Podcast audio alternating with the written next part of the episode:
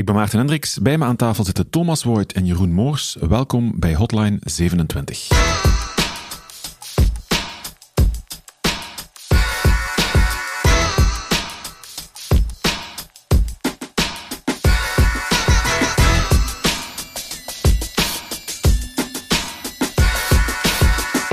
Voorbije weken was, was geen aangename periode voor het internet. 30 september Slack kapot en een paar dagen erna hadden we de grote Facebook-outage en ook WhatsApp en ook Instagram.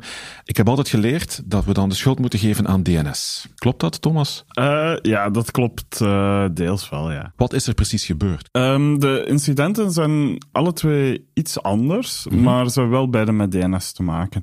Ja. Uh, bij Slack hebben ze iets proberen aanzetten dat deed DNSSEC en ze hebben daar een kleine fout in gemaakt, een paniek reactie uh, was dan iets minder doordacht, waardoor dat het heel lang down is geweest. Uh, bij Facebook was het uiteindelijk een, een routing aanpassing die al hun eh, DNS-servers offline heeft gebracht, waardoor dat ze dan ook volledig onbeschikbaar zijn geworden. Maar misschien eerst even uitleggen wat DNS precies is.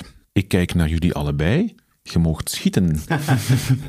ja, uh, ik, ik hoorde hier ergens in de voorbereiding iemand zeggen: DNS is waar dat je naartoe gaat. En mm -hmm. uh, BGP is hoe je er geraakt. BGP gaan we gelukkig achterwege laten. Maar uh, DNS is de magie die um, mooie namen die voor de mens begrijpbaar zijn, zoals level27.be, omzet naar IP-adressen. De manier waarop dat computers elkaar dan vinden.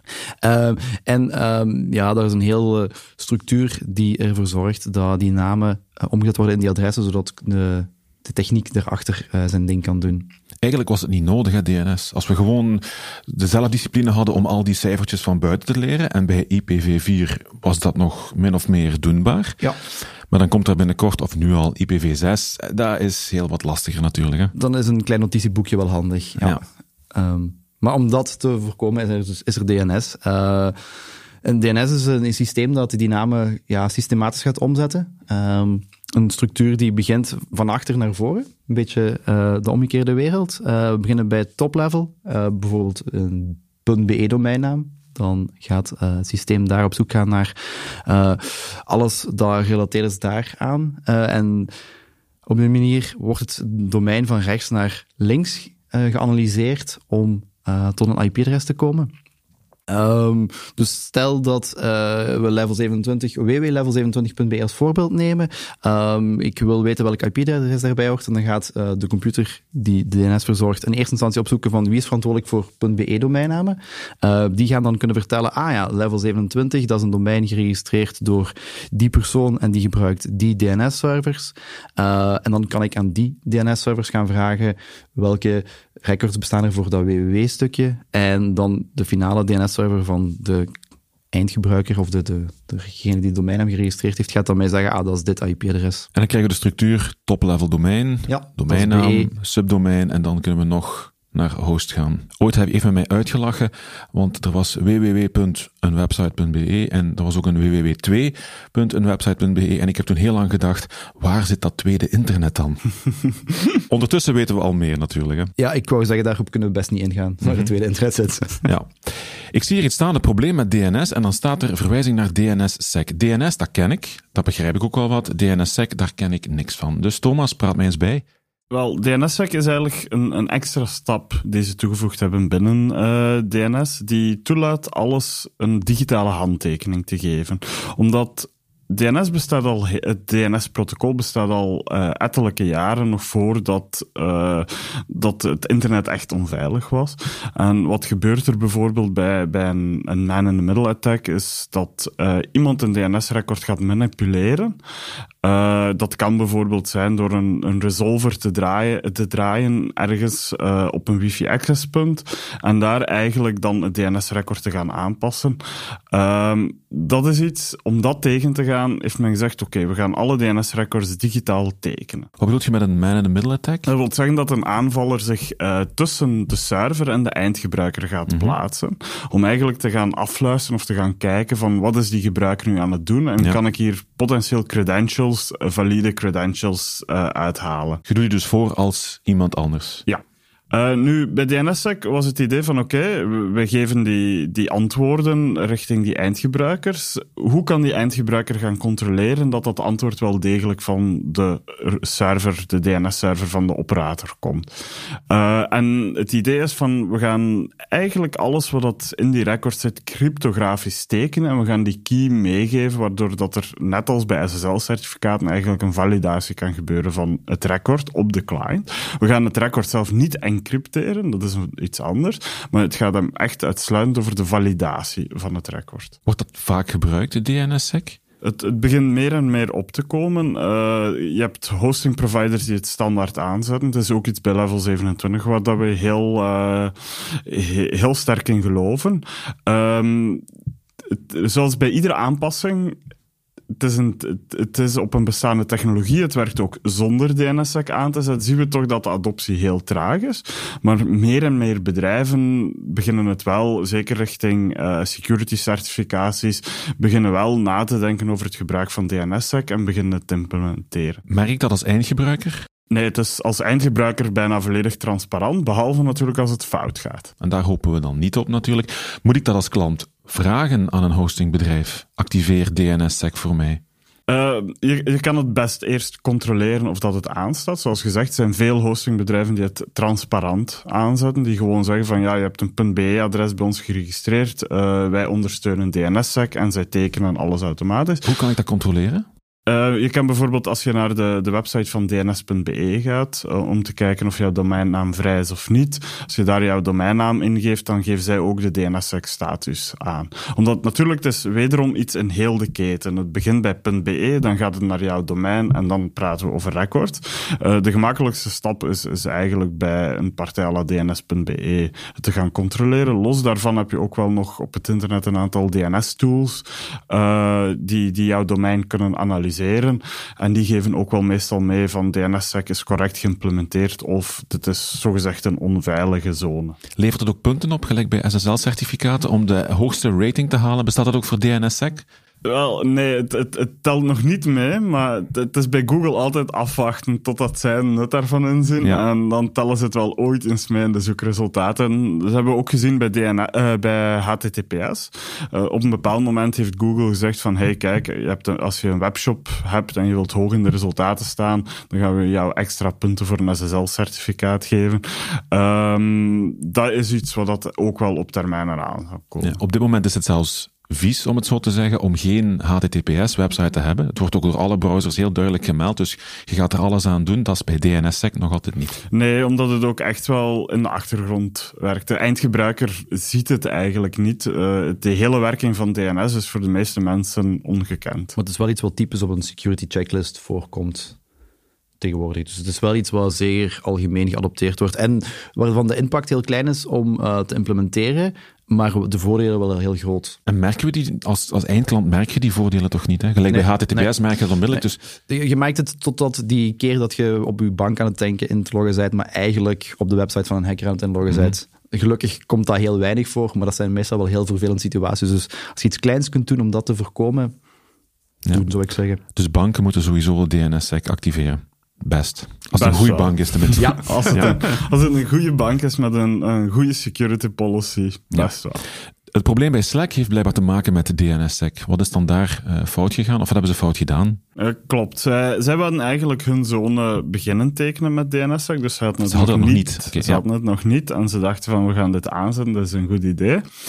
Uh, en daar is het een beetje fout gelopen. Um, dus ze hebben een zone ondertekend. Een zone heeft een bepaalde time to live. Uh, dat is belangrijk, daar komen we later op terug. Uh, ze hebben een zone getekend. Alle DNS-servers, alle resolvers, dus op het internet uh, en ook bij jouw operator heb je DNS-servers waar jouw laptop zijn aanvragen naartoe stuurt. Je doet dat eigenlijk nooit direct naar een hosting provider. Um, ja, die, die zone wordt daar gecached. Uh, dus ze hebben een zone uh, ondertekend. Daar is dus ergens hebben zij klachten gekregen dat er iets niet werkte. En dan hebben ze eigenlijk hun ondertekende zone terug verwijderd. Undo. Ja, poging tot. Poging tot, ja. Uh, spijtig genoeg komen we dan terug op die time to live. Op al die resolvers, op al die caching servers, stond die zone nog gecached. En die zegt ineens van, hé, hey, maar mijn upstream server geeft mij niet getekende antwoorden. Deze kloppen niet. Uh, dus eigenlijk hebben ze dat veroorzaakt wat je wilt voorkomen met DNS. Ze hebben uh, zelf hun eigen server als onbetrouwbaar bestempeld. En dan hebben ze moeten wachten op al die uh, recursors totdat die, die zone eigenlijk gingen purgen omdat de time to live verstreken was. Time to live is de, de tijd die nodig is om dat te verversen. Voordat de zone verwijderd wordt of, of ververst wordt, inderdaad. Dus als daar een groot getal staat, dan blijft die zone lang staan en blijft dat probleem ook langer bestaan. En, en, het is ook wel een beetje best practice om daar een groot getal te zetten.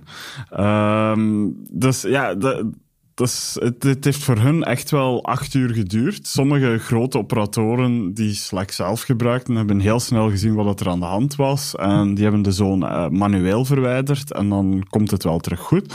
Maar bij, bij andere kleinere operatoren heeft het echt soms langer dan acht uur geduurd eer Slack terug beschikbaar was. En ik denk zelfs dat de TTL in hun geval op 24 uur stond. Dus ik kan me voorstellen dat dat bij bedrijf als Slack toch wel een paniekreactie veroorzaakt als ze zoiets doen. Het is echt een menselijke fout, of niet? Het, het is volledig een menselijke fout, ja. Dus waarschijnlijk, uh, ja, het is, het is een typisch gegeven om indien iets fout gaat, indien je een change doet ergens op, op een infrastructuur en er komen klachten binnen om die terug te draaien. Maar in dit geval was dat eigenlijk niet de juiste actie. Ofwel hadden ze de TTL op voorhand lager moeten zetten en het idee van als het dan fout gaat, oké, dan zijn we vijf minuutjes onbereikbaar. Uh, maar ja, terugdraaien was eigenlijk de slechtste stap die ze hadden kunnen zetten. Hoe lang hebben jullie last gehad van de outage van Slack? Nee, er zelf niet zoveel last van gehad hebben. Ja, het is ook als je bijvoorbeeld Cloudflare zijn recursors uh, gebruikt, zij zijn heel snel geweest in het purgen van de records, waardoor dat, ik denk wij een uur of twee uur niet hebben kunnen werken op Slack, maar daarna was alles terug in orde. Dus voor ons viel de schade al bij al wel nog mee.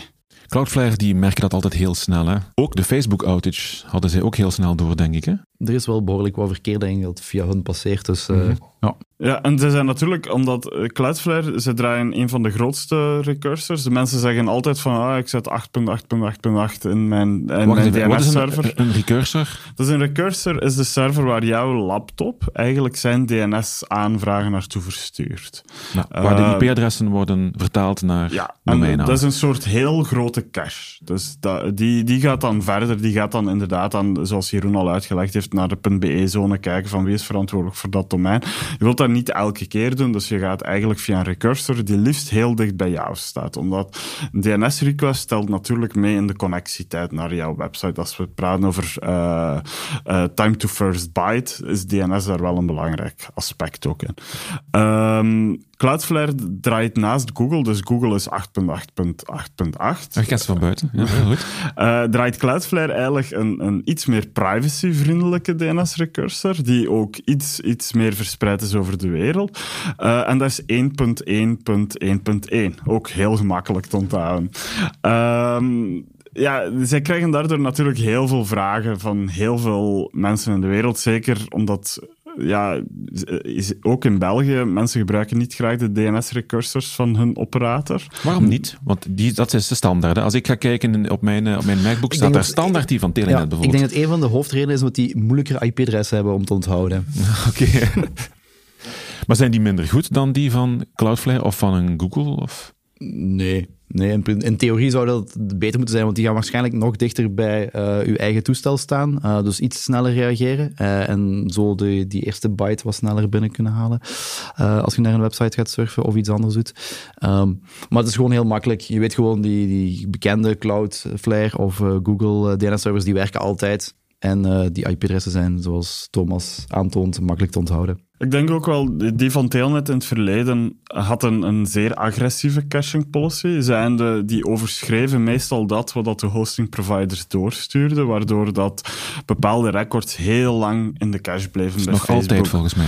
Uh, dat is zeer storend. Um, het idee van een recursor te draaien is echt wel van, laat de hosting provider beslissen wat de correcte TTL is. We zien het ook bij Google. Als je, als je een www.google.com neemt, de TTL zit daar onder de 300 seconden. Gewoon omdat zij weten, ja, als wij problemen hebben, veranderen we dat IP-adres en dan willen we dat dat heel snel doorstroomt naar alle gebruikers. Ja, Telnet gelooft daar blijkbaar niet in en denkt het heel beter lang. te weten. Ja. Uh, een ander ding waarvoor dat veel mensen de, de DNS-servers uh, veranderen is, ja, er gebeurt wel wat filtering op. Dus bepaalde websites van, uh, en dan praten we over het, het downloadcircuit, worden geblokkeerd eigenlijk op DNS-niveau. Dus mensen gaan veranderen hun nameservers naar een andere partij en ineens zijn die websites wel beschikbaar.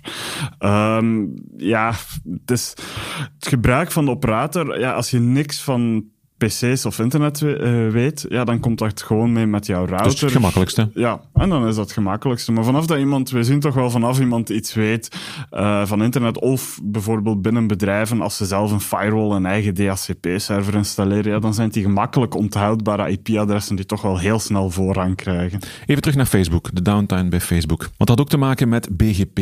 Heeft dat, is dat hetzelfde als DNS?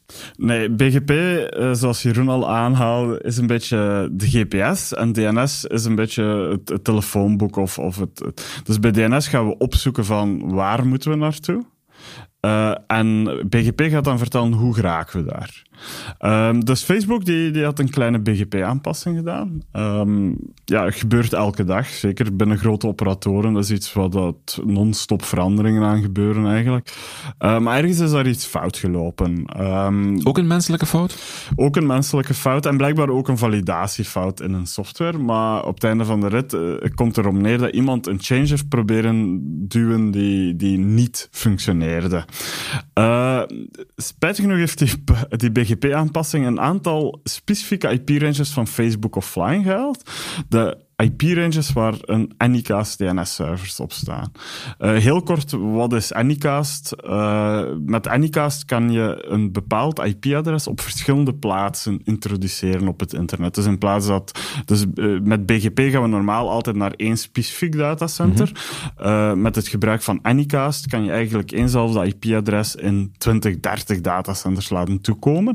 En dat is heel belangrijk als je praat over heel hoge load. Dus zeker bij een Ja, alles, iedere website die ook nog maar een tracking pixel heeft van Facebook, gaat eigenlijk zorgen dat daar wel eens een hoop aan DNS-aanvragen richting Facebook gaan. Uh, dus ze hebben een enorm netwerk aan DNS-servers en zij gebruiken Anycast om eigenlijk die load internationaal over verschillende datacenters te verdelen. Nu, ze hebben die offline gehaald, met het resultaat dat Facebook.com gewoon niet kon geresolved worden. Ja, dan stopt het. Als mensen niet meer weten waar dat ze naartoe moeten, ja, dan, uh, dan kan je nog, nog honderden datacenters met duizenden servers per datacenter hebben. Als de mensen niet weten waar dat ze naartoe moeten gaan, ja, dan staan die niks te doen. En ik heb ook begrepen dat die aanpassing bij Facebook zich ook heel snel verspreidt over alle andere BGP-servers. Ik, ik hoorde de vergelijking met een, een kaart. Er wordt een kaart getekend van het internet de hele dag door. Op een bepaald moment verdwijnen die datacenters van Facebook bij Facebook zelf. En dan ineens over de hele wereld verspreidt zich dat. Daardoor dat alles offline was. Of is dat te kort door de bocht? Uh, nee, ik denk dat dat de juiste, de juiste conclusie is. Uh, dus dat BGP-protocol zorgt ervoor dat de wereld weet hoe dat tot een bepaald punt geraakt. Als daar de verkeerde uitleg gegeven wordt of je stopt met zeggen hoe dat je van A naar B moet of tot bij jou moet geraken, dan, uh, ja, dan weet het hele internet snel niet meer wat de juiste weg is. Hè. Um, het is zo'n kluwe dat die... Ja, het is alleen de enige manier om uh, bij een uh, locatie te geraken is de juiste announcement gedaan hebben. Als die stoppen, ja, dan is het gedaan. Nu, dat Facebook-verhaal ging heel ver. Hè? Tot de toegangspoortjes die niet meer werken, want het, het hoofddomein, facebook.com, was onbereikbaar. De interne e-mail werkte natuurlijk niet meer. Um... Ja, het is, het is wel het is wel gek om te zien dat uh, op zo'n moment zie je hoe belangrijk DNS is binnen infrastructuur. En zeker als we gaan praten over een, een, een architectuur zoals Facebook met heel veel microservices. En ik vermoed bij Facebook dat het minder micro zal zijn. Het zal wel allemaal zeer groot uit. Het, het zal wel allemaal zeer groot zijn. Maar ze gebruiken natuurlijk iedere service gebruikt wel ergens een andere service. En binnen een moderne architectuur wordt daar ook voornamelijk DNS gebruikt om tot met elkaar te kunnen gaan communiceren. Uh, en het lijkt erop alsof daar heel veel, uh, heel veel kapot is gegaan, gewoon omdat die DNS-servers niet meer bereikbaar waren. En waarschijnlijk ook omdat er nog andere netwerkproblemen waren door die aanpassing. Maar ja, als, als ineens jouw e-mail, bedrijfs-e-mail of uh, zelf communicatietool niet meer werkt, dat je niet meer kan opzoeken opzoeken in, in, in jouw intern voice-over-IP-telefoonboek wie, welke engineer voor welk datacenter on call is. Uh, als dan blijkt dat, u, dat inderdaad de badges gewoon niet meer werken aan de gebouwen, omdat alles praat wel ergens met een tool en overal wordt wel ergens DNS in gebruikt, ja, dan, dan is uw probleem niet meer van technische aard, maar wordt heel logisch, van logistieke aard. Mhm. Hoe krijg ik nu, hoe kan ik contact opnemen met de juiste persoon? Hoe kan die persoon communiceren met mijn team? Dat dit probleem aan het onderzoeken is. En hoe geraakt hij dan tot de plaats waar dat hij het moet oplossen. Ze hebben, ik heb me laten vertellen dat er ingenieurs naar het datacenter gevlogen zijn, om, letterlijk gevlogen zijn, om daar het probleem te gaan oplossen. Ja, en, en dat zie je ook wel aan de duur van het outage. Want op zich, een rollback van, van, van een aanpassing binnen BGP is, kan heel snel gaan en dan ben je ook heel snel terug bereikbaar.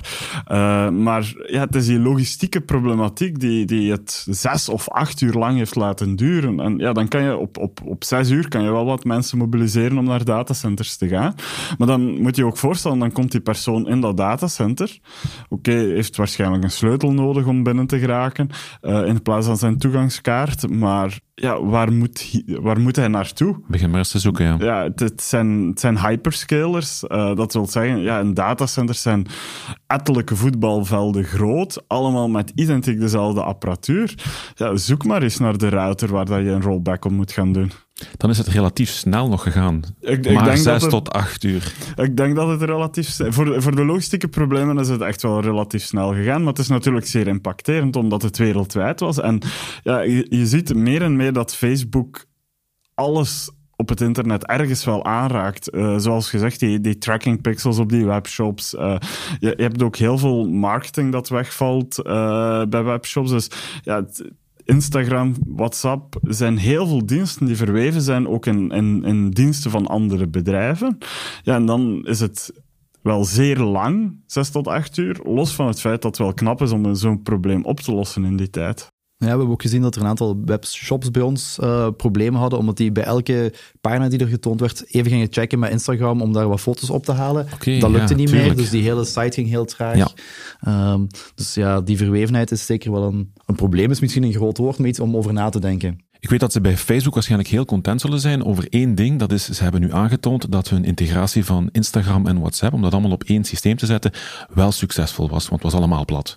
Ja, ja. dat is misschien een heel interessant om even op in te pikken.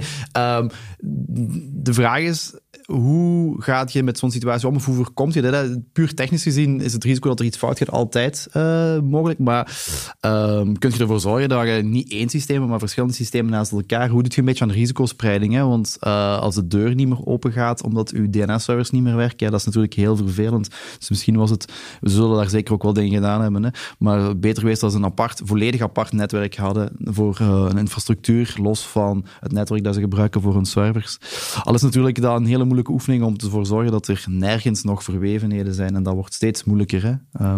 Het, introduceren van een out-of-band uh, netwerk bij een partij zoals ons, bij, bij Level 27, is eenvoudig. Hè? We hebben een vijftal belangrijke datacenters. Um, we hebben daar wat netwerkapparatuur staan. Het is gemakkelijk om daar eigenlijk te zeggen: oké, we voorzien daar een aparte switch, we leggen wat kabels, we hebben een volledige 4G-oplossing of zo om er van op afstand aan te kunnen. Uh, maar natuurlijk, vanaf dat je naar de schaal van die hyperscaler gaat, is eigenlijk het bouwen van zo'n out-of-band management netwerk even moeilijk als het bouwen van zo'n datacenter, omdat gewoon het aantal toestellen dat daar zouden moeten op aangesloten zijn, ja, dat is reusachtig. Uh, kan je inderdaad dan de vraag stellen moeten we niet aparte datacenters daarvoor gaan bouwen? Uh, het blijft een heel moeilijk gegeven. Wat is het, wat is het acceptabele risico? Uh, gewoon mensen die on-site zouden zitten met kennis van zaken is misschien ook wel al de oplossing. Maar de dag van vandaag werken we nog altijd in lights-out datacenters. En de, de tijd waar dat de operator mee op de stoel in de datazaal stond, is echt wel al lang, uh, lang verleden. Maar nu was het nodig. Nu moesten ze fysiek naar het datacenter gaan. Nu, nu moesten ze, ja, op het moment dat je nergens meer mee kan communiceren, ja, moet je echt wel fysiek naar daar. Mm Zijn hier lessen uit te trekken? Eén les die ik al uh, kan delen met jullie is, ik weet dat niet uit eigen ervaring, voor alle duidelijkheid, is bij Pornhub was het die dag een hoogdag. Blijkbaar was er veel meer trafiek. Mensen verveelden zich, dus hebben ze zich zo bezig gehouden. Zijn er andere lessen, zinvolle lessen uit te trekken? Um, niet technisch zou ik er misschien op inpikken. Er is dus ook een sociaal leven mogelijk zonder social media. um, ja, ik denk dat uh, too big to fail, dat dat zeker iets is dat, dat, dat iedereen daar zich daar moet van bewust zijn. Uh, dat ook al ben je in Facebook en ook al heb je heel complexe systemen en lijkt alles voorzien, dan nog uh, is het niet zo simpel om altijd online te zijn. Dus het is wel belangrijk om daar bewust mee bezig te zijn van welke systemen gebruik ik hier allemaal en hoe hangen die aan elkaar en um, kan ik ergens een domino-effect creëren? Hè? Uh, is er als er één blokje omvalt, het risico dat mijn heel uh, spel onderuit gaat? Um, en ik denk ja, een beetje risico spreiden. Uh, misschien um, een systeem op plaats A voor X en een plaats B voor iets anders. en voor de rest denk twee keer na voordat je op enter duwt. ja, ik denk, eh, zowel bij, bij Slack als bij Facebook, het, het, probleem is niet dat de technische kennis niet aanwezig is. Hè. Ze hebben fenomenale engineers zitten mm bij Facebook. Ze maken heel mooie zaken, ook open source. Zowel binnen de netwerkingwereld als binnen de PHP-wereld. Ze, ze, ze produceren echt wel heel knappe dingen, los van een social media platform. Dus kennis is bij geen van beide bedrijven echt een probleem. Um, ja, die, die twee twee keer nadenken voor je enter duwt. Ja, een validatie, input, eh, eigenlijk de validatie, dat is toch iets om wakker over te. Het is even belangrijk als, je kan toffe software bouwen, maar je moet dan ook wel zeker zijn dat de validatie echt wel werkt, omdat uiteindelijk de gebruiker, degene die met dat systeem gaat werken, gaat waarschijnlijk altijd wel een weg rondom iets proberen zoeken. Uh, blokkeer hem niet te veel, maar denk heel goed na van, ja, als we dit gaan doen, dan, dan hebben we echt een probleem.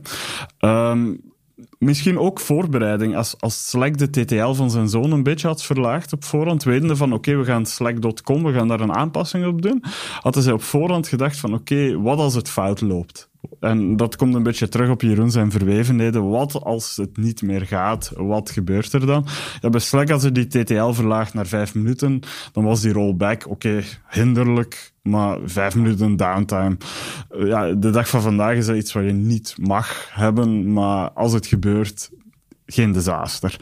Um, ja, het is, het is toch iets, het nadenken over wat als het fout gaat. Dat, dat blijft altijd een heel belangrijke oefening. Ja, ik zie hier staan hope for the best and plan for the worst. Klopt. Jeroen, Thomas, bedankt voor dit gesprek. Reacties op deze aflevering of vragen die komen bij ons terecht via podcast.level27.be. Tot binnenkort voor een nieuwe Hotline 27.